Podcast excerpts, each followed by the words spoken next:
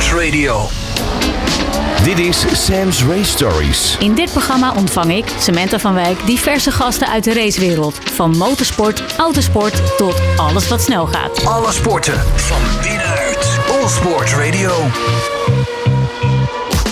Vandaag de gast, de Viaplay FV-commentatoren Nelson Valkenburg en Melroy Heemskerk. De twee zijn al jarenlang bevriend en sinds 2022 vormen zij het nieuwe commentaarduo van de Formule 1. Hoe kijken zij terug op hun eerste seizoen? Hoe zijn ze omgegaan met de kritiek? En wat hebben zij allemaal meegemaakt? Welkom heren! Leuk dat jullie hier zijn. Dankjewel. Ontzettend leuk. Waar moesten jullie vandaan komen? Uh, ik kom zelf uit uh, Leimuiden vandaan. Uh, dus dat is voor ons, ja, voor mij drie kwartier om hier naartoe te komen. Dus dat is goed te doen. En jij, Nels? Ja, ook ongeveer drie kwartier als het een beetje mee zit. Maar dan vanuit het zuiden, net boven Breda, Oosterhout. En jullie als petrolhead, wat rijden jullie? Alfa Romeo. ja, uh, om heel eerlijk te zijn, ik geef niet zo heel veel om straatauto's. Dus ik heb momenteel een, een oude Skoda Fabia uit 2002 helemaal afgetrapt. en uh, het olielampje brandt overigens ook. En daarmee rijd ik gewoon heel Nederland door. Dit kan beter. En wanneer is die voor het laatst schoongemaakt? Uh, ook dat is lang geleden. Exact.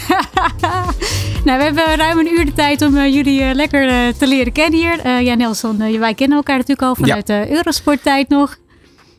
Hoe lang kennen jullie elkaar al? Want jullie zijn echt al heel lang bevriend. Hè? Hoe is dat zo gekomen?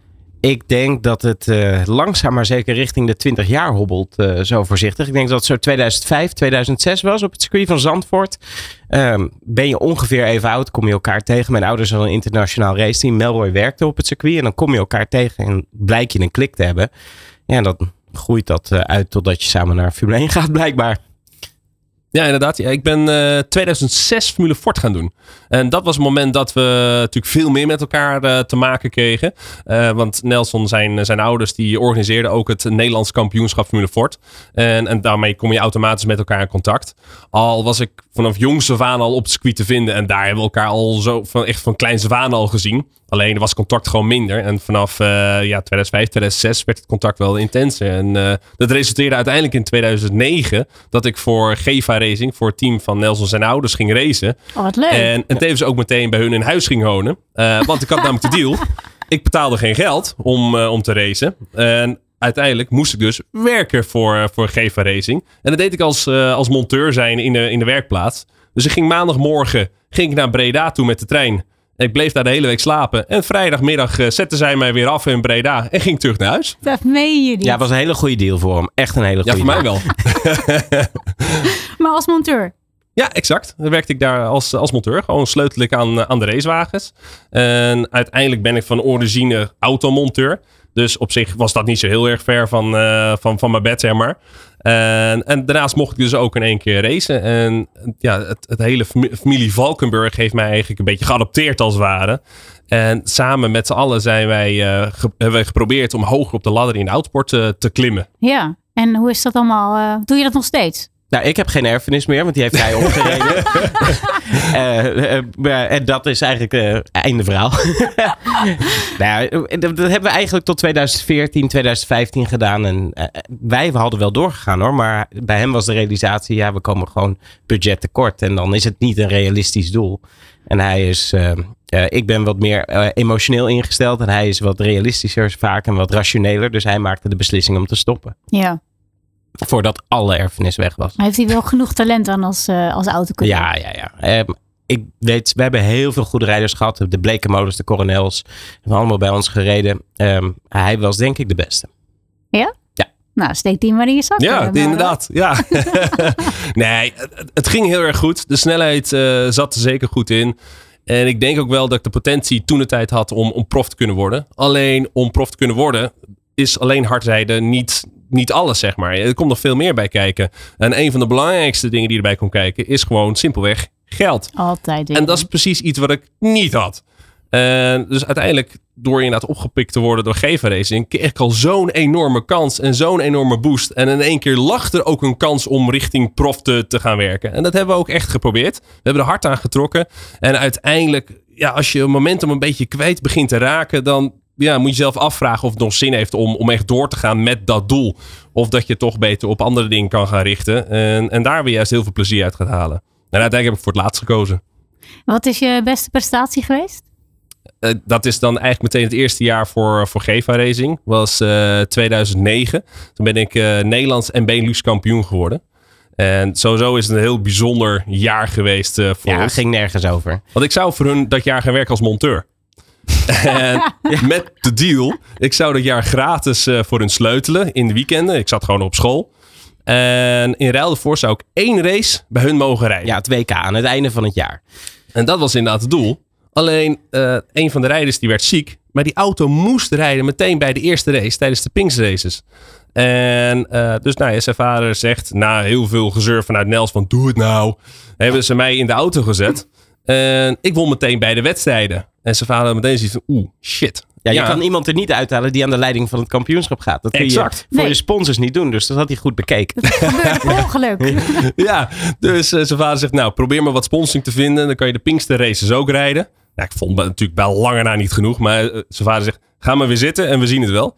Won ik weer alle twee de wedstrijden. Ja, toen lag ik zoveel aan de leiding. Dan had hij zoiets van, nou, blijf nou maar zitten. En eh, toen heb ik inderdaad eh, zo goed als alle wedstrijden gewonnen dat jaar. En inderdaad Nederlands en Benelux kampioen geworden. Ja, en toen kwamen we uiteindelijk bij het WK. En ook daar ging het goed tot de halve finales. was in Heats. En dat was dan tegen rijders zoals Joseph Newgarden, oud Indie, eh Indie kampioen. Ja. Ehm, en, en die versloeg hij ook. Alleen in de halve finale ging het mis. Dus dat was eh, dat. Was dat. Maar ja, heel bijzonder jaar. Dat, Ja, dat was echt. heel, heel bizar. Had jij ook nog een rol in dat team van je ouders? Ja, ik werkte altijd aan de kant van de pitmuur. Eh, we- werken met rijders, zorgen voor heel vaak 16, 17-jarigen, weet je, die niet zelf naar het circuit kunnen komen, maar ook niet mogen tekenen voor dingen. Ehm, ja, en als je een, een, relatief klein familieteam bent, dan moet je alles eh, met z'n allen fixen. En uh, Melroy zegt wel terecht dat hij geadopteerd is. En dat is met een aantal coureurs gebeurd. En ja, uh, je, mijn, hele, mijn hele leven was op en neer van dat circuit. En daartussen probeer ik nog de school voor journalistiek af te maken. Wat is Ja, al. exact, ja. Want, want, want op welk moment dacht jij van, ik, ik wil heel graag uh, commentator worden? Niet. Ik dacht, ik ga schrijven. Nee, ik ik Oh, denk echt, ik ga schrijven. En op een gegeven moment in 2005 of 6 uh, werd ik gebeld door Eurosport. Door uh, een, een oud-sportcommentator daar, Jeroen van der Ploeg. En die zegt, ja, uh, we hebben iemand nodig. Kom een keer langs. Nou, twee wedstrijden gedaan. Was niet helemaal uh, wat ik dacht dat ik uh, de kant waar ik heen moest. Met welke sport begon je? Ja, oudsport. Uh, dus wat dingetjes gedaan. Alleen na anderhalf jaar begon dat enorm te knagen. Ik denk, wat heb ik nou gedaan? Ik heb nee gezegd. En toen ben ik met schooljournalistiek naar, een maand naar China geweest voor de Spelen in 2008. En daar kwam ik Danny Nelissen tegen, die op dat moment natuurlijk nog de baas bij Eurosport was. Ja. En vijf minuten gesproken, kom een keer langs. En toen kwam ik daar en toen lag een contract. En toen kon ik gelijk beginnen. Uh, wat ik niet wist, is dat op dat moment Jeroen van de ploeg, uh, ploeg ziek was. En ongeneeslijk ziek. Ze hadden echt Ai. iemand nodig. En hij heeft mij onder de vleugel genomen. Zoals hij ook met heel veel coureurs heeft gedaan. Maar later dus ook met mij. Heel veel geleerd. En in dat eerste jaar uh, bleek ja, dat dat een, bijna een vaste aanstelling meteen was. En in één keer, terwijl ik nog op de school voor journalistiek zat, zat ik ook ja, in weekenden commentaar te doen. Mooi. Dus zo is dat gelopen. En ja, Jeroen is een paar jaar later helaas overleden. Maar uh, ja, kansen die komen op hele gekke manieren. En niet altijd uit de mooiste dingen. Maar ik heb zoveel van Jeroen geleerd. En heel veel aan hem te danken. Absoluut. Kun je iets specifieks noemen? Um, in een van de eerste wedstrijden die we deden was op de 24 uur van Le Mans. Dus was helemaal niet zo'n kleine wedstrijd. En uh, toen heeft hij echt um, heel veel geleerd over dynamiek tussen uh, co-commentatoren. En, en dat je elkaar uh, zo, sowieso het gras niet voor de voeten weg moet maaien. Maar dat je echt dat product samen aan het bouwen bent. En daar heb ik echt wel nog, nog altijd heel veel aan gehad. Uh, zeker nu dat we fulltime uh, co-commentaar doen. Ja, dat kan me voorstellen. Ja. Welke sporten heb je allemaal gedaan? Want je, je doet nu al 14 jaar commentaar. Ja. Je hebt echt heel veel gedaan. Ik heb echt heel veel gedaan. Ik ben begonnen bij oudsport. Dat is waar ik vandaan kom. Maar na twee, drie jaar dacht ik... Ik wil, ik wil meer. Ik, dit is, uh, hier voel ik me te comfortabel bij. Famous last words. En toen zeiden ze bij Eurosport... Oh, nou, uh, Bert Sitters gaat met pensioen. Je mag zwemmen overnemen verder dan uh, dat van het circuit kun je niet komen. dus toen heb ik gezegd, nou ja, dat is goed. Het regent. Ja, inderdaad, maar zo hard regenen niet. Ik wil doen, maar ik wil wel een co-commentator naast me. Nou, heel veel van geleerd. Heel veel met Nick Driebergen samengewerkt. Inge Dekker, heel veel gedaan. Uh, heel veel wedstrijden, grote toernooien ook on-site. En, en toen kwam in één keer het schaatsen uh, in de winter. En dat was perfect, want oudsport en zwemmen valt een beetje stil in de winter. En toen zei ze, wil je ook het schaatsen doen? Nou, super, want enorme passie en hobby. Ik vind het super leuk om te kijken. Gaan we doen. En een paar jaar later zat ik bij ESPN en toen was er een, uh, een tenniscommentator die weg moest. En ik was de enige commentator van dienst die er was.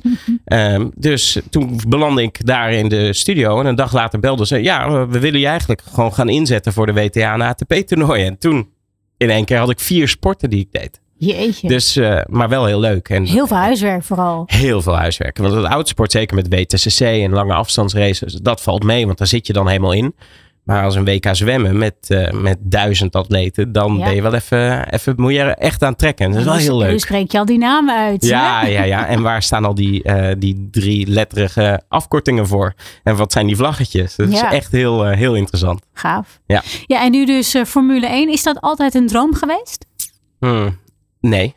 nee? vooral ook omdat ik zo in dat commentaar ben gerold. Dat ik dacht van, oh, dit gaat wel leuk en dit gaat goed. En het zat uh, natuurlijk bij een andere partij. En het was helemaal afgebakend. Uh, en ik denk, ik ga de kant van de Olympische Spelen op. En heb een paar keer de Spelen gedaan. En ik zat wel lekker, uh, lekker rustig. En ik was rustig aan het nadenken, wat wordt de volgende stap? En ja, toen kwam de huidige baas van Viaplay met de volgende stap. En die was uiteindelijk dus Formule 1. Ja, mooi. En toen dacht ik, hier ga ik geen nee tegen zeggen. En wist je toen al dat uh, Melroy uh, de co-commentator zou worden? Nou, het gesprek ging uh, op dat moment zo. Marco Zwaneveld, de huidige baas natuurlijk bij Viaplay, Head of Sports, die zegt: Nou, ik, ik ga naar Viaplay. Um, ik denk dat ik wil dat jij Formule 1 gaat doen. En oh, dat wordt co-commentaar. En ik denk aan Melroy. En toen lag ik op de grond.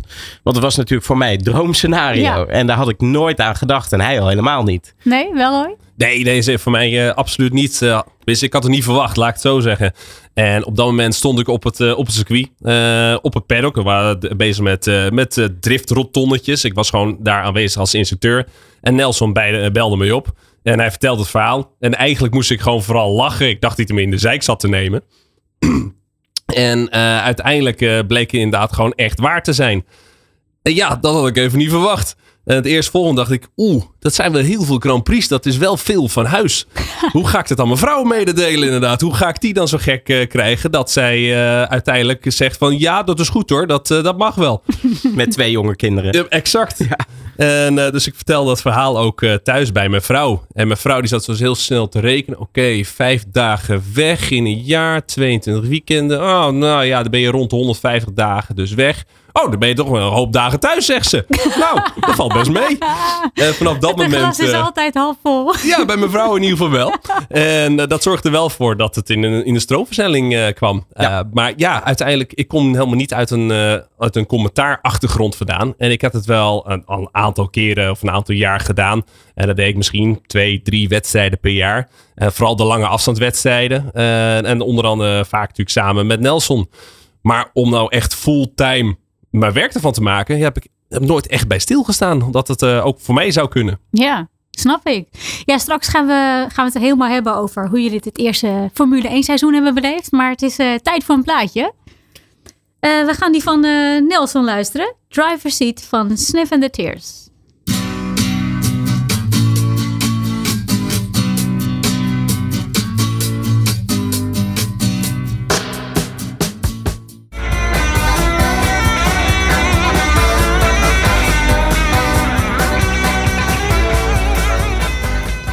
Drive Seat. Nelson, waarom dit nummer? Um, een echt autosportnummer voor mij. Voor mij is dit de 24 uur van Le Mans. En de 24 uur van Le Mans is misschien wel de mooiste autowedstrijd die er is voor de echte liefhebbers van lange afstandsraces. Heel veel laagjes, heel veel sfeer. 250.000 man publiek. Ja, en uh, toen ik jong was, verzamelde ik al die video's van elk jaar dat Le Mans gereden werd. Was dan een, een review video. En daar zat dit deuntje altijd in. Dus voor mij was dit de 24 uur van Le Mans.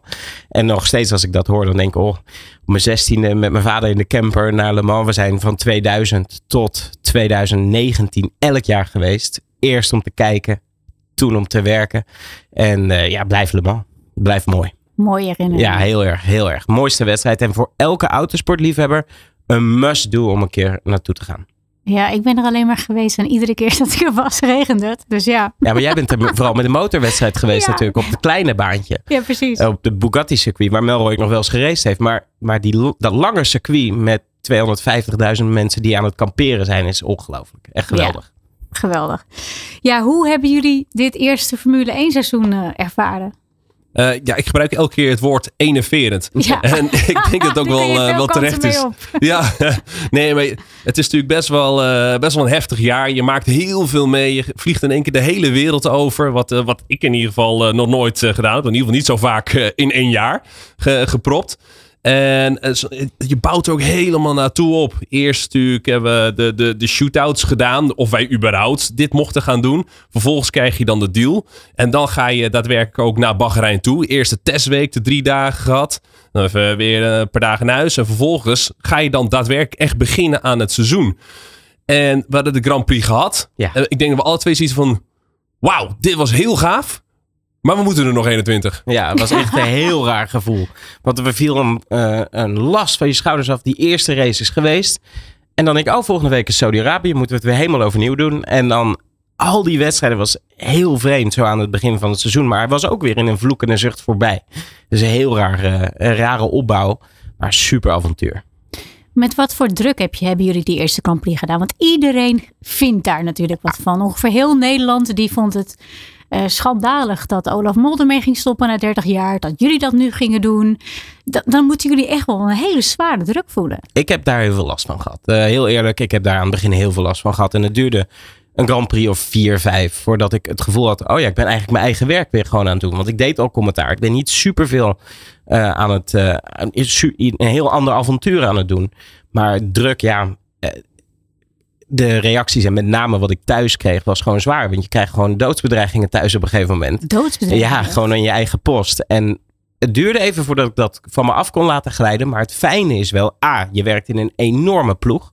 Met allemaal mensen die allemaal met de neus dezelfde kant op gaan. Met heel veel ervaring en ook gewoon de rust hebben. Mensen binnen Viaplay echt hoog op. De grote baas die zeggen, kalmeer, niks aan de hand. Ja. Doe gewoon je ding. En het fijne is, voor mij persoonlijk, is dat we dit met z'n tweeën konden doen. Ja. Uh, want als ik dit dan moest doen met de druk die ik mezelf oplegde en die ik voelde, ja, dan is hij de beste partner die je kunt hebben. Want hij staat compleet aan de andere kant van het spectrum in hoe hij dingen voelt. En dan word je echt vanzelf naar het midden getrokken. Dus voor mij ideaal. Ja, hoe, hoe trok je, ja, wat trok jij ervan aan, Mel? Nee, ik ben van nature heel nuchter. En ik ben niet zo snel onder de indruk van uh, sowieso van alles wat er gebeurt in de, in de wereld. En, en dus ook wat mensen vinden, denken en willen. En uh, het, dat gezegd hebben, moet ik wel eerlijk toegeven. Die eerste race Bahrein. Ja, natuurlijk, voordat het daadwerkelijk uh, begint, heb je echt Oeh, nou, gaat, nou gaat echt Ik voel me echt wel zenuwachtig. Maar ik ben wel iemand, ik, ik laat het heel snel, laat ik dat varen. En ik heb een hele brede rug. Ik kan heel veel hebben. En ik, ja, ik verblik of verbloos niet zo heel snel van wat andere mensen vinden. En ik ben dat betreft dus echt een tegenpol ten opzichte van Nelson. En ja, dat, dat zorgt er wel voor dat alles altijd een beetje mooi in balans blijft. En, en daardoor ook wel redelijk snel weer de rust gevonden wordt, denk ik. Ja, en het voordeel wat wij hebben is dat wij volledig eerlijk naar elkaar kunnen zijn. En altijd ook zijn. Ik denk niet dat we in, in die laatste twintig jaar ooit ruzie hebben gehad. Maar dat komt ook omdat wij ja, niet, dat niet persoonlijk opvatten. Hij trekt me echt terug naar het midden als ik te veel één kant op ga. En ik probeer hem wat meer van dingen te laten genieten. En dan, dan komen we elkaar in het midden wel weer tegen. En dan, ja, dan, dan werkt dat voor ons heel goed. En ik denk dat dat nu, daar hebben we wel heel veel van geleerd dit jaar. Ik was heel erg benieuwd of die vriendschap overeind zou blijven op dezelfde manier in zo'n pressure cooker. Zo intensief. Ja, altijd samen reizen en zo. Maar ik denk dat we achteraf kunnen zeggen dat het alleen maar sterker weer geworden is. Toch? Toch? Nou ja. nee, inderdaad, absoluut. Nee, het, het grappige is ook... ja, ik denk, laat je rustig uitpraten. Nee, maar je, je hebt wel gelijk inderdaad. Ik denk wel dat, uh, dat het zeker weer sterker geworden is. En ja, jij gebruikt tot heel mooi uh, de woorden. Het is een, een, jongensboek wat we aan het schrijven zijn. En dat is ook terecht dat, we dat, dat je het zo verwoordt. Want dat is het uiteindelijk ook. Je ja. maakt inderdaad zo ontzettend veel mee. En, en dat maakt het, maakt het gewoon heel erg gaaf. Maar het grappige is ook wel dat we uiteindelijk toch alweer redelijk hetzelfde zijn. Ik ben altijd heel erg op mezelf, doe graag mijn eigen ding. En als je dan 24-7 op pad bent met mensen, dan is het best wel een uitdaging. En zeker in het begin van het jaar moest ik er wel even een beetje aan wennen. Hoe ga ik het uh, in godsnaam voor mezelf invullen dat, uh, dat ik toch even mijn moment heb dat ik gewoon, nou, even rust, even zen. En, en je merkte vooral gaandeweg uh, zo'n week, en dan, je gaat op woensdag naartoe. En vooral zaterdag, zondag, dat ik echt mijn eigen plan ga trekken. Wat grappig is, Nelson doet het dus ook. Ja, dus we hebben hetzelfde nodig. En dan, en dan eten we dus met z'n tweeën op zaterdagavond in plaats met, uh, van met tien man. Ja. En, uh, en dat is gewoon een heel natuurlijk proces. Dus ja, dan, uh, dan, dan, dan wordt het dan wel makkelijker. een beetje aan het doorspreken wat je... Nee, juist nee? niet. Dan, we praten steeds Helemaal niet minder. over werk ja, vaak. Die laatste dagen probeer je juist dat een beetje ja, te bewaren voor de uitzending. Ja. En ja, op zondag spreken we elkaar bijna helemaal niet. Ja, we zitten in de auto s ochtends samen. Hij gaat dan alvast naar de, de commentaarpositie. Gaat hij zijn papieren in orde maken. Ik doe hoogstwaarschijnlijk nog een heel klein interviewtje hier en daar. Ik probeer nog met wat mensen te praten. En dan een half uur voor de uitzending. Oh, we zijn weer samen. Dus ja, ja dat gaat heel natuurlijk. Dus dat werkt goed. Waar genieten jullie het meest van? Oh, ik denk eerste ronde. Eerste ronde is gewoon voor mij een beetje zoals het met zwemmen is. Je kan alles geven. Dingen moeten precies op zijn plek vallen. En dan die overname moet op het juiste moment zijn. Daar, er zit zoveel adrenaline in. Maar de payoff is ook enorm groot. Dus die eerste ronde is gewoon wat mij betreft zo lekker om te doen als commentator. Dat, daar ben ik heel blij mee. Omdat ik dat elke week mag doen. Ja, jij mag altijd aftrappen als leading Ja, ik mag echt losgaan. en, en, en, en dan de gas en dan weer terugdraaien eh, om je juiste ritme te vinden. Maar die eerste ronde, dat is uh, uh, gewoon, zoals we zeggen, balls to the wall en gewoon gaan. Eigenlijk moet je dan een hartslagmetertje omdoen. En, uh... ja, ja, ja het, is gewoon, het is gewoon hartstikke mooi. En tegelijkertijd, het mooie van sport is, is dat niets vaststaat. Dus je bent zo benieuwd wat er kan gebeuren. Ja, je moet met een hele open blik kijken. En we hebben echt geleerd om naar twee verschillende dingen te kijken. Zodat hij meer in het achterveld zit. En dat gaat dit jaar nog belangrijker worden met twee Nederlanders. Maar de eerste ronde is gewoon heerlijk om te doen voor mij. Voor mij is het uh, de donderdag. En dat is eigenlijk, ja, dat heeft helemaal niks met de start van de race te maken. Nee, maar dat is het eerste moment dat je weer op een nieuw circuit komt. En dan moet je dus even weer compleet je, je weg gaat vinden. Waar is alles? Waar is iedereen? En uh, waar zijn de paddocks? Waar is uh, je, je commentaarpositie? Ja. En dat is ook de dag dat ik altijd mijn trackwalk uh, mag doen. En dan ga ik dus een, een rondje lopen over het circuit. En een klein beetje uitleg erbij over waar, waar rijders nou op letten. En hoe je nou het hardste over zo'n circuit kan gaan. En ik vind het ook gewoon heel erg leuk om zo'n rondje over circuit heen te lopen. En om Ja. gewoon eens te, erva- te ervaren hoe de baan erbij ligt. En het grappige is, als je loopt over een circuit, dan zie je pas ook echt de heuvelglooiingen in, ze- in het asfalt zitten.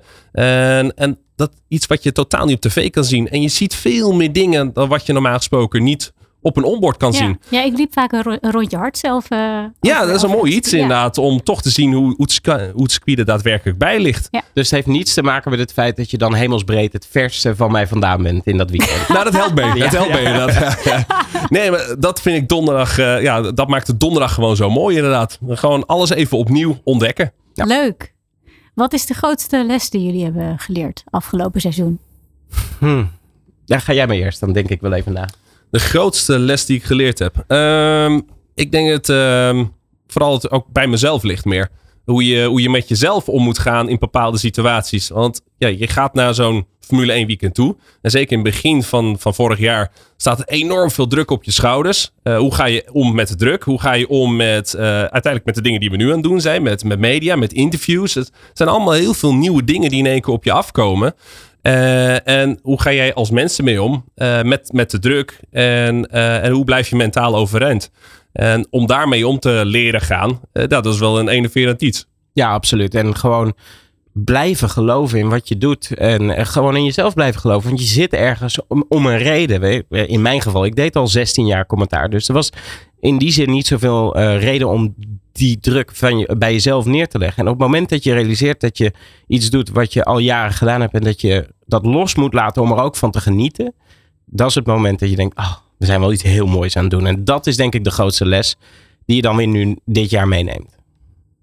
Hoop Mooi. ik. En jullie hebben een voorwerp meegenomen. Daar gaan we het straks over hebben. Want het is eerst weer tijd voor een plaatje. Dat is die van, eh, van Melroy. Melroy, je mag, hem, eh, je mag hem zelf aankondigen. Eh, ik weet niet welke van de twee eh, je hebt klaarstaan. De, de Dandy Warhols met Bohemian Like You.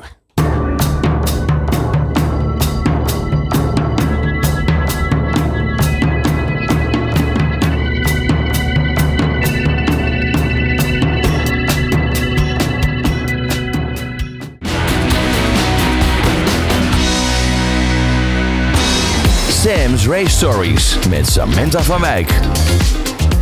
Ja, Melroy, waarom dit nummer van de Dandy Warhols? Ehm, nou ja, we gaan het zo meteen hebben over voorwerp. En zowel dit nummer als het voorwerp meegenomen heeft, heeft te maken met vooral mijn jeugd. En dit nummer is ook eh, gebaseerd op de 24 uur van Le Mans. maar dan het spelletje. Het spelletje vanuit 1997 eh, op de PlayStation 1. En die heb ik echt grijs gespeeld. En de intro van, van dat spelletje was met de Dandy Warhol. Nou, Dus, vertel meteen maar over dat voorwerp dan. Ja, wat Want ik heb meegenomen. Inderdaad, eh, ik heb, eh, ja, wat zal het eh, geweest zijn, van een, van een jaar of twaalf heb ik heel veel gegamed. Maar alles daarvoor, toen ik echt een jong ventje was, speelde ik altijd met miniatuurtjes van kleine, kleine, kleine autootjes. En dit Ja. is een, een Matchbox Formule 1, een Williams, officieel van 1993. Kwam ik later achter. Eh, met de livery van 1994. Maar wat ik geda- altijd deed, is ik had echt een stuk of twintig van dit soort Formule 1'tjes. En een, in mijn eh, slaapkamer had ik eh 10 bij 10 tegeltjes van hout. En dat was precies een perfect formaat om daar een circuit uit te stippelen. Ja. En de allereerste keer dat ik dat houten vloer had gekregen van mijn ouders, dacht ik, dat is mooi. Ik pak een eh, rode viltstift. En dan bouw ik een heel circuit na. Met curbstones, alles erop en eraan. En dat werd niet zo gewaardeerd door mijn ouders. Eh, maar dat zorgde er wel voor dat ik eigenlijk elke dag met mijn Formule 1'tjes aan het spelen was. En ja, dat legde uiteindelijk een beetje de basis voor, voor hetgene wat ik allemaal daarna ging doen. Grote vraag, won je toen wel? Eh, daar won ik wel. Oh, ja, daar zat ik vaak wel in de hoofdrol. Ja, oké. Wat heb jij meegebracht, Nelson? Eh, ik heb een nummerplaat eh, meegebracht die we van de FOM en eh, de organisatie van de Bahrein Grand Prix vorig jaar hebben gekregen. Staat op Bahrein 2022, een new era. Nou, dat was natuurlijk zo'n ontzettend lang traject na die eerste wedstrijd. En aan het einde van die race kregen we allemaal zo'n plaatje. Toen dacht ik, ja oké, nou ons nieuwe leven is nu echt begonnen. En die staat altijd bij mij op de slaapkamer. En ja, uiteindelijk is, staat die symbool voor het hele jaar natuurlijk voor mij. Dus eh, ja, ik heb eh, het aandenken van de eerste wedstrijd van vorig jaar meegenomen. Gaaf. Ja. Leuk. Waar, komt die, waar, waar hang je hem normaal gesproken? Hij eh, staat op een, een balk in de slaapkamer. Ik weet niet hoe lang dat hij daar nog blijft. Want mijn vriend is een interieurdesigner. En elke week als ik terugkom is het huis anders. Oh. Dus misschien omdat hij nu weg is, dit plaatje, dat er ook geen plek meer voor is als ik straks terugkom. Komen we vanzelf achter. Maar dan vinden we weer wat anders. Dan, moet je, dan moet je afdwingen. ja, nou ja, dat merken we wel. Eh, Dat is het probleem van heel veel reizen. Dan ben je elke keer weer terug en dan denk je, waar stond de bank ook alweer? En dan, ja, zo gaat het. Maar ja, is niet erg. Hoe gaat het ermee om? Dat je zoveel weg bent? Ja, heel goed. Kijk, eh, de grap is dat eh, die relatie is heel erg serieus geworden vlak voordat het seizoen begon. Dus ik dacht echt, tering, dit is helemaal niet het goede jaar ervoor. Maar ja, eh, dingen gebeuren zoals het gaat. Hij komt uit Colombia en we zitten in het lange termijn visa eh, proces. Dus we zijn best wel gewend om, om eh, delen van het jaar niet samen te zijn. Viaplay heeft het voor mij heel makkelijk gemaakt door sommige races mijn vluchten via Colombia te boeken. Dus ik ben heel veel in Medellin geweest afgelopen jaar. Ehm, eh, maar al eh, met al, hij is heel erg onafhankelijk. Ik ben het ook, dus het gaat hartstikke goed. Ik heb hem ook een aantal keer mee kunnen nemen naar het, het circuit. En eh, dat vindt hij ook heel leuk. Dus eh, dat werkt hartstikke goed. Leuk. Wat hebben jullie eigenlijk gedaan eh, in die maanden dat er geen Formule 1 was? Eh, nou ja, ik kwam thuis. En mijn, eh, mijn zoontje, waar ik overigens het autootje van eh, nu ge- meegejat heb. ehm, die, eh, die had echt nog een babykamertje. En die is inmiddels twee. Dus ik ben meteen aan het klussen gegaan. Alle behang eraf, alles aan het verbouwen geweest. Meubels eruit. En, en alles weer omgeturnd naar een stoere jongenskamer. En toen ik daarmee klaar was, werd ik meteen doorgezet naar de voorraadkast wat verbouwd moest worden. Dus ik ben eigenlijk alleen maar aan het klussen geweest thuis. Daar ben je Ja, niet Nee. op vakantie geweest. nee, nee, helemaal niet. Nee, maar Ja, dan zit je ook niet echt aan te denken om weer te vliegen op dat moment. Eh, dan heb je er 50 vluchten gehad. Dan denk je, het is wel goed geweest. Eh, ik wil mijn eigen huis weer herkennen. Lekker in Nederland in de Ja. kou gaan zitten. Ja, eh, we hebben wel kerst samen gevierd nog. Zoals gewoonlijk eigenlijk. Dus, Jij eh, en Melroy? ja, ja, ja. Oh. Gewoon, eh, de derde kerstdag is altijd eh, samen. Dat is al 15 jaar zo. Dus dat is, was ook dit jaar weer, weer het geval. Maar jij bent dus alleen maar aan het klussen geweest. aan het klussen geweest. En inderdaad, de eerste week van januari ben ik met het hele gezin eh, naar Disneyland Parijs geweest. Inderdaad, in de stervende kou daar door het park heen gelopen. Maar dat was ontzettend leuk ook om, eh, om te doen. Ja, en voor mij, eh, ik ben eerst heel ziek geworden na- nadat ik terugkwam uit Abu Dhabi. Toen zei eh, de longontsteking, oké, ik heb je gespaard voor die laatste maand toen je al een kuchje had. Maar nu ben je aan de beurt. Dus toen had ik 40,5 graad. Ja, en eh, begin december kwam Sebas terug uit Colombia. En eh, gewoon lekker thuis zijn, familie, vrienden opzoeken. Lekker de feestdagen samen vieren, hier en daar. We zijn nog naar Londen geweest, weet je. We ook gewoon even wat vrienden daar opzoeken. Maar eh, heel erg easy going hoor voor mij. Ik was even, even blij om gast terug te nemen. Lekker. Ja, zometeen gaan we vragen behandelen die via social media zijn binnengekomen. Maar eerst gaan we weer even naar een nummertje luisteren. En dat is Noah Halla van Ida Benton.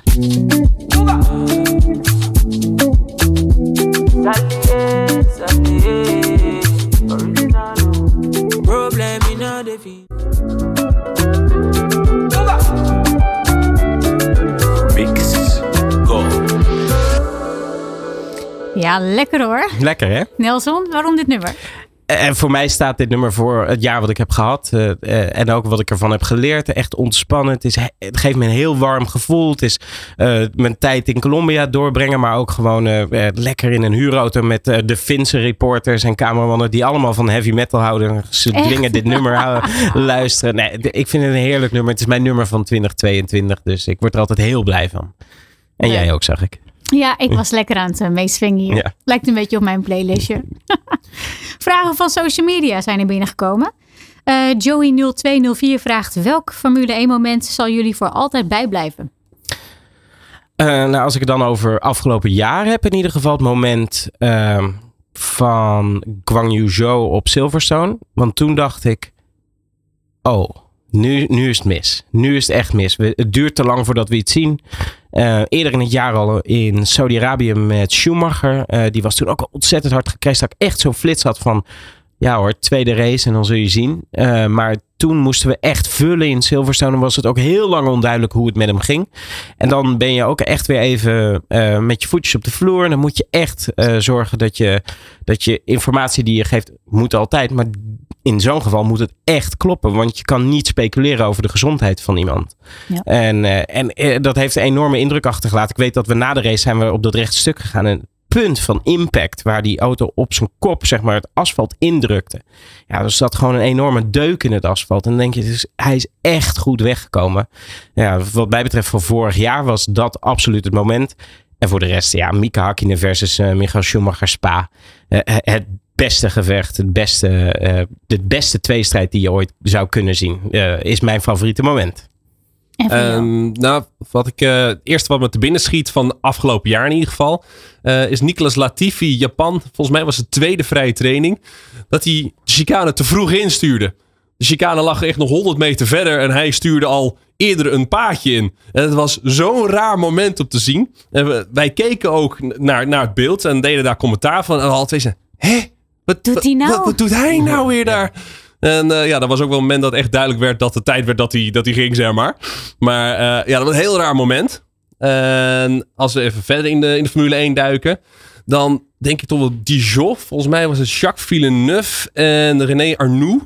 Die elkaar zo hard aan het bevechten waren. En dat was zo ontzettend gaaf om te racen. Ronde na ronde, slipstreamend over het lange rechte stuk van Dijon.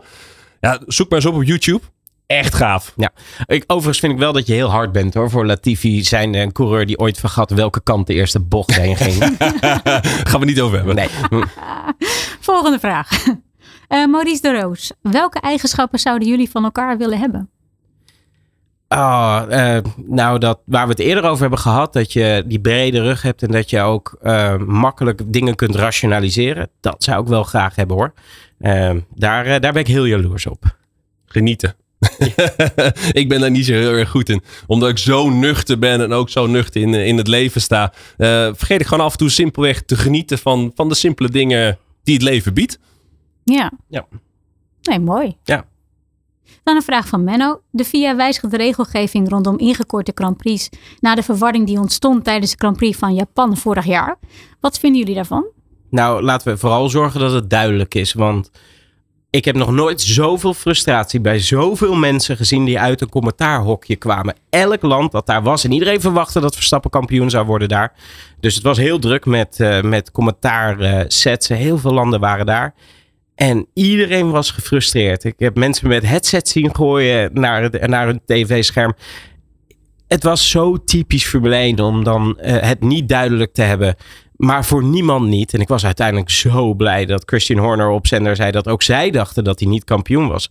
Want dat gaf in ieder geval aan dat we allemaal niet extreem hadden zitten slapen. Maar ja, het is zo typisch Formule 1 om voor een regel zeven uh, pagina's tekst te gebruiken. En als je die hebt uitgelezen, weet je het nog niet zeker. Dus hoe, zo, hoe meer duidelijkheid, hoe beter. Um, en zeker wat dit betreft. Want ja, het gaat helemaal nergens over volle punten omdat er een finishvlag is uitgehangen. Ja, ja zo kan ik het ook. Ja. Ja. En dan toch wel een van de meest gestelde vragen, echt tientallen keren. Wie gaat de nieuwe pit reporter worden nu Stefane ermee stopt? Weten we nog niet. De timing was wat lastig voor Viaplay. Uh, ik vind het ontzettend jammer dat ze stopt. Ik snap waarom. Want ze heeft echt voor zichzelf gekozen. Um, zorgen dat ze uh, ja, fysiek vooral overeind blijft. En, en, en het ook allemaal nog leuk vindt. Maar ik vond dat ze zo'n ontzettende stap heeft gemaakt. Als zijnde iemand die geen journalist is en nooit voor de camera werkte om dan die curve te maken en zulke goede interviews te doen. Um, ik ga ontzettend missen. Maar op dit moment uh, zitten we in die afrond of zit Viaplay in die afrondende fase. Dat ze echt aan het zoeken zijn naar de juiste mensen die ook nog even 20, 24 Grand Prix uh, kunnen doen. Is nog niet zo'n hele makkelijke ik opgave. Ik ben beschikbaar hoor. Dat weet ik, maar jij hebt ook uh, alle nummers, dus die hoef ik jou niet te geven. maar het is gewoon zoeken voor Viaplay. Ook binnen dat hele raamwerk van, van um, ja, al die mensen die ook daar werken. We zijn met zo'n grote ploeg. Dat moet allemaal net passen. Maar ik ga ervan uit dat dat uiteindelijk goed komt. Maar op dit moment weten we het nog niet. Ja. Het is wel een hele onderschatte baan, hè, pet reporter zijn. Dus ja. echt, echt fucking zwaar. Je weet het als geen ander. Het is...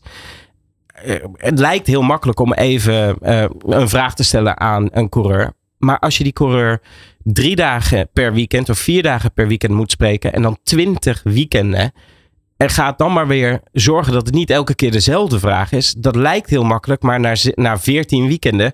Waar moet je het dan nog over hebben? Zeker op die donderdag. Die niet gerelateerd is aan het weekend, maar een soort van open sessie is. Ja, het is gewoon niet heel makkelijk. En op het moment dat het moet, moet je er staan. Dus die druk is enorm hoog. Uh, misschien nog wel hoger dan dat wij inmiddels voelen. Zij heeft het net zo zwaar gehad. En ik ben daarom zo trots dat zij overeind is gebleven. Nee, nee ik heb het goed gedaan. Ja.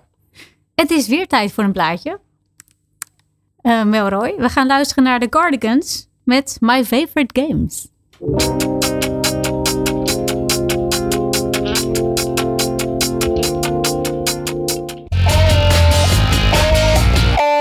Sam's Race Stories met Samantha van Wijk. Ja, dat was My Favorite Games, Melroy. Waarom dit nummer? Uh, ook dit heeft weer met een spelletje te maken. Ook PlayStation 1, lang geleden, was uh, voor de Gran Turismo 2 was de intro uh, voor, tenminste met dit nummer. En ik vind het zo'n gaaf nummer, dus vandaar dat hij erbij zit. Lekker.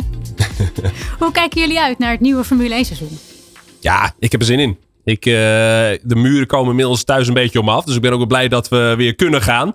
Ja, het begint alweer te kriebelen. Ja, voor mij wel hoor. Inderdaad, uh, de, de testdagen, eerst drie dagen natuurlijk Bahrein.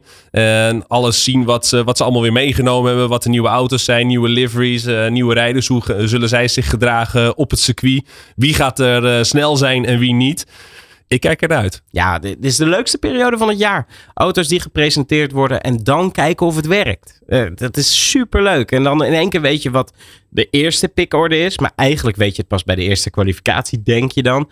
Ja, het is om alles weer te ontdekken en gewoon weer terug op het circuit te zijn. Uh, daar heb ik ook echt enorm veel zin in hoor. Ja, ja, zelfs testdagen zeggen natuurlijk nog helemaal niks. Helemaal niks, want je rijdt met minder vermogen. Hoeveel brandstof heb je bij?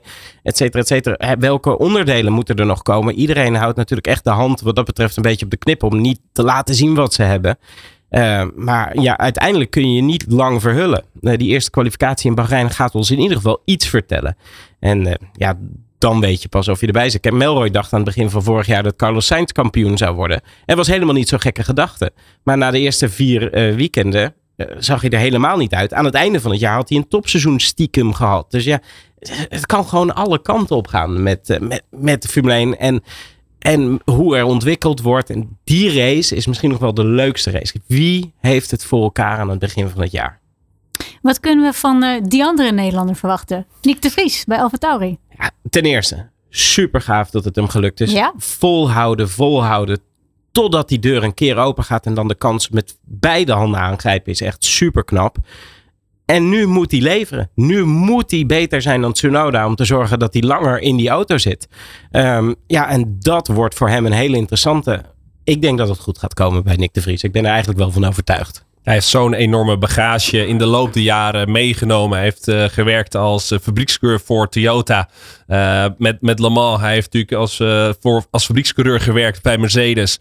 Hij heeft zoveel bagage vergaard. Hoe je omgaat met, met, met dat soort teams op zo'n hoog niveau acteren en werken. En ook onder zo'n ontzettende druk komen te staan. dit kan hij wel. En hooguit misschien dat hij de eerste paar Grand Prix nog iets te kort komt op Tsunoda. Maar gaandeweg gaat hij er voorbij. En ik denk onder een streep, wat ook niet uh, onbelangrijk is, dat hij ook gewoon echt slimmer is dan Tsunoda. Wat je weer mee kan nemen in, hoe je moet racen op het circuit. Ja, Nick is, Nick is de meest ervaren rookie die je ooit kunt, uh, kunt krijgen. En Tsunoda, we weten dat hij nog wel eens uh, kortsluiting kan krijgen. Dit gaat voor hem een heel zwaar mentaal seizoen worden. Kijk, eigenlijk rijdt Nick uh, Formule 1 op het moment dat hij het niet meer had verwacht. Dus dat kan ook ervoor zorgen dat je met wat minder druk start. Ja. Hoop ik, want dan gaat hij heel snel heel goed presteren. Um, hij moet van Tsunoda winnen. Dat is het grootste gevecht. En de auto zal voor de rest bepalen waar je ongeveer in het veld zit. Maar dat het goed gaat komen, dat moet toch wel. En hij weet natuurlijk heel veel van een van de grootste concurrenten al van Mercedes ja, vooral hoe dingen werken, hoe de procedures lopen. En, en je ziet ook dat hij dat meenam naar Monza. Hij heeft natuurlijk bijna in elke auto van het veld gezeten afgelopen jaar. En, en als je dan zo'n kans krijgt als op Monza. En je maakt gewoon geen fout. Geen enkele fout in het hele weekend. Dat laat dan wel zien hoe slim dat hij is. Wat Melroy bedoelt. Want dan heb je dus al zoveel opgenomen. Dan is je databank al zo gevuld aan het begin van je carrière. Ja, dan, uh, dan kan die dan nog wel eens een enorme verrassing worden. Als Alfa Tauri het voor elkaar heeft. Ja, spannend. Ja, heel spannend. Meemaken. Ja. En uh, Daniel Ricciardo natuurlijk als reservecoureur voor Red Bull. Ja, ja, ik denk dat het meer een marketing dingetje is. Um, hij, heeft, hij is natuurlijk heel goed in de marketing dingen. En Red Bull wil vooral exposure. Dat, dat is uiteindelijk waarom ze de Formule 1 ingegaan zijn. Daarnaast natuurlijk met het hoofddoel ook te winnen. Want als je wint, dan grotere exposure kan je niet genereren. En ja, Ricciardo past daar gewoon fantastisch bij. Die past heel goed bij het team van Red Bull. En ik denk vooral dat hij daarom daar is. En persoonlijk, ik denk niet dat we hem meer terug gaan zien in de Formule 1. Als hij echt die motivatie had gehad, dan had hij uiteindelijk Gunther Steiner gebeld. Dan was hij, had hij alles gedaan om naar Haas te gaan naast uh, Magnussen. En dan in combinatie met zijn grote droom, ooit NASCAR rijden, kan bij Gene Haas ook. Dan had je alles op alles gezet, maar hij deed een beetje uit de hoogte hij gelooft dat hij beter dan ooit terugkomt op de startgrid. Het moet wel heel gek lopen en Perez moet enorm door het ijs zakken. Ja. Wil uh, Red Bull uiteindelijk, misschien wel halverwege het seizoen of einde van het seizoen, uh, zeggen: Nou, Ricciardo, jij gaat het worden. Het kan natuurlijk ook anders lopen. Stel, stel dat Perez zo door het ijs zakt en Nick heeft een fantastisch seizoen, dan zouden ineens alle sterren op één rij staan of Ricciardo, die toch wel een beetje beschadigd uit het seizoen is gekomen, dan de, de aangewezen man is. Ik geloof er net als Melroy niet in hoor. Nee. Nee. Ik denk dat die tijd geweest is. Nou, we gaan het allemaal meemaken. We ja. kunnen er nu nog weinig over zeggen. Ik uh, kan jullie een voorspelling laten doen over wie er de, dit jaar kampioen gaat worden. Ja, weet je wat het is? Voor Red Bull hangt alles af van de start van het seizoen. Ze hebben niet door het feit dat ze kampioen zijn geworden en omdat ze die straf hebben gekregen, hebben ze niet zoveel ruimte om in een race tegen Ferrari en Mercedes een achterstand goed te maken qua ontwikkeling. Dus zij moeten heel goed starten. Gelukkig hebben ze een platform waarop ze dat kunnen doen. Ze hadden een fantastische auto ook aan het einde van het seizoen. Dus dat zit wel goed. Maar voor de rest een voorspelling, ik durf hem helemaal niet aan. Jij toch wel? Ja, ik durf hem wel aan. Ik zat vorig jaar ook fout, dus dat maakt het helemaal niet uit. Maar nee, ik, uh, ik denk dat Lewis Hamilton met, uh, met Mercedes uh, wereldkampioen gaat worden. Om de simpele reden. Zij hebben vorig jaar echt, zoals de Engelsen het heel mooi noemen, een shitbox gebouwd. En ze hebben zoveel geleerd over die auto en hoe je uiteindelijk in de juiste richting moet gaan en waar de problemen zitten. Ik denk dat zij dit jaar een fantastische auto gaan bouwen. Daarnaast is Red Bull gewoon beperkt met het doorontwikkelen, met de straf die ze gekregen hebben. Daarnaast zijn ze kampioen geworden, waardoor je sowieso al minder windtunneltijd en, uh, en CFD mag, uh, mag gebruiken gedurende het jaar. Uh, dat als Red Bull er ook maar ietsjes naast zit, dan zijn ze ook de rest van het jaar zullen ze de lul zijn. Want ze kunnen niet zo snel doorontwikkelen als dat Mercedes kan. En Mercedes zit in, gewoon in een goede flow. En ik denk dat ze daarmee best wel sterk kunnen zijn. En dan hebben we natuurlijk nog die derde, Ferrari. Ja. Ja, Ja, voor Met een nieuw management, ik, eh, ik weet het nog niet. Zorg eerst maar dat ze rond het management echt alles goed op orde gaan krijgen. En dan dat combineren met een goede auto. Ja, dan kunnen ze wel ergens komen. Maar dat Ja. gaat gewoon weer drie, vier jaar kosten. Voor Ferrari hangt alles af van het feit of ze die motor op vol vermogen kunnen rij- laten rijden en betrouwbaar zijn. Want ze hebben een auto die op zich goed genoeg is, maar omdat ze met minder vermogen moeten rijden, moeten die rijders er meer uitwringen. Banden worden continu oververhit. Komen er fouten ook van de rijders. En, en met een auto die te langzaam is, ja, ben je ook strategisch altijd het haasje. Dus voor Ferrari hangt heel veel van motorperformance af. Maar eh, laten we vooral hopen dat we dan drie grote teams hebben die om en om gewoon mee kunnen doen. En Juist. dat hebben we al zo lang niet gehad. Dat we echt de rivaliteit weer gaan zien. In Ja. plaats van zo'n seizoen waarvan je van tevoren al weet. Ja, dit gaat Max Verstappen op zijn sloffen winnen. En na de eerste vijf Grand Prix dachten we echt dat we dat hadden. Ja, want Ferrari was echt zo goed gestart. Maar ja, op het moment dat... eh, het was volgens mij in Barcelona... waar die motor van Leclerc plofte. En vanaf dat moment is Ferrari met minder vermogen gaan rijden. Ja, op dat moment ging de angel uit hun seizoen. Ja, en dan, dan wordt het in dat geval de grote Verstappen-show. Waar we ook heel goed mee kunnen leven natuurlijk. Hè? Ik heb nog één vraag voor jullie. Hebben jullie verder nog dromen? Poeh. Eh, nou, ik zou toch wel heel graag een boot hebben. Eh, en een langetermijn visa voor eh, Sebas. Dan ben ik al heel gauw tevreden. Heel erg tevreden. Een droom, een dromen. Ja, je blijft altijd droom houden. Ehm, ik, zou, ik zat toevallig van de week nog te kijken. Ik zag ijsrijden in, eh, in Zweden. Lijkt me fantastisch om te doet doen. Jasper Ibama. Dan Kijk, moet je hem even bellen. Ja, Kijk, daar moet ik eh, dus naartoe. jij hebt Ja. echt hele kleine dromen. Want die zijn gewoon te doen. Ja, dat weet ik. Maar elke droom is er één. Ja, dat is waar. Dat is waar. Wanneer zien we jullie weer in actie? Eh, wij vertrekken de 21ste even uit mijn hoofd naar Bahrein voor de testdagen. Dus eh, daar zijn we met Viaplay op volle sterkte. Eh, en ik mag volgende week stiekem even naar New York voor de presentatie van de nieuwe Red Bull en de grote livery reveal. Ja, 2 dus hoogstwaarschijnlijk ga je me daar dan in ieder geval nog zien. Maar ja, vanaf de testdagen dan beginnen de radertjes van het Formule 1 seizoen ook voor ons helemaal weer te draaien. Spannend. Ja. Ik vond het leuk dat jullie er waren. Heel erg bedankt voor jullie komst. Jullie bedankt Dankjewel. voor het luisteren. En eh, ja, tot de volgende. Sam's Race Stories met Samantha van Wijk. Dit is All Sports Radio.